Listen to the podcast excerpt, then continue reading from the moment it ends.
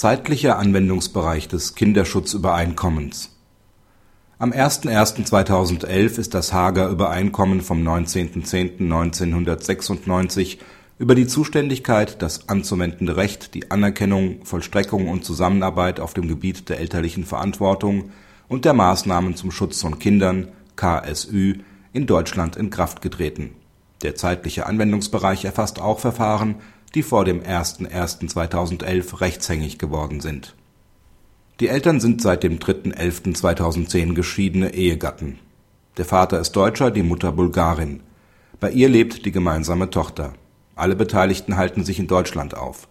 In dem abgetrennten Sorgerechtsverfahren wurde mit Beschluss vom 18.12.2010, dem Vater zugestellt am 10.01.2011, der Mutter die alleinige elterliche Sorge für die Tochter übertragen gegen diesen Beschluss wendet sich der Vater ohne Erfolg.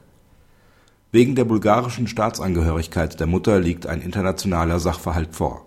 Für die Frage der internationalen Zuständigkeit ist die Verordnung EG Nr. 2201 aus 2001 sogenannte Brüssel II-A-Verordnung gemäß Artikel 61 der Verordnung anzuwenden die internationale Zuständigkeit der deutschen Gerichte ergibt sich aus Artikel 12 Absatz 1 und Absatz 2 lit b Brüssel II-A-Verordnung. Das KSÜ enthält für das anwendbare Recht eine Sachnormverweisung auf das deutsche Recht. Das OLG stellt klar, dass es für die Eröffnung des zeitlichen Anwendungsbereichs auf den Zeitpunkt der Entscheidung und nicht auf die Verfahrenseinleitung ankommt. Praxishinweis das KSÜ enthält Regelungen zur internationalen Zuständigkeit und zum anwendbaren Recht. Die Brüssel II-A-Verordnung regelt ebenfalls die internationale Zuständigkeit für Fragen der elterlichen Verantwortung und ist immer dann vorrangig, wenn das Kind seinen gewöhnlichen Aufenthalt in einem Mitgliedstaat der Verordnung hat. Das Minderjährigenschutzabkommen (MSA) wird dagegen vom KSÜ ersetzt und behält nur noch einen Restanwendungsbereich zum Übergang.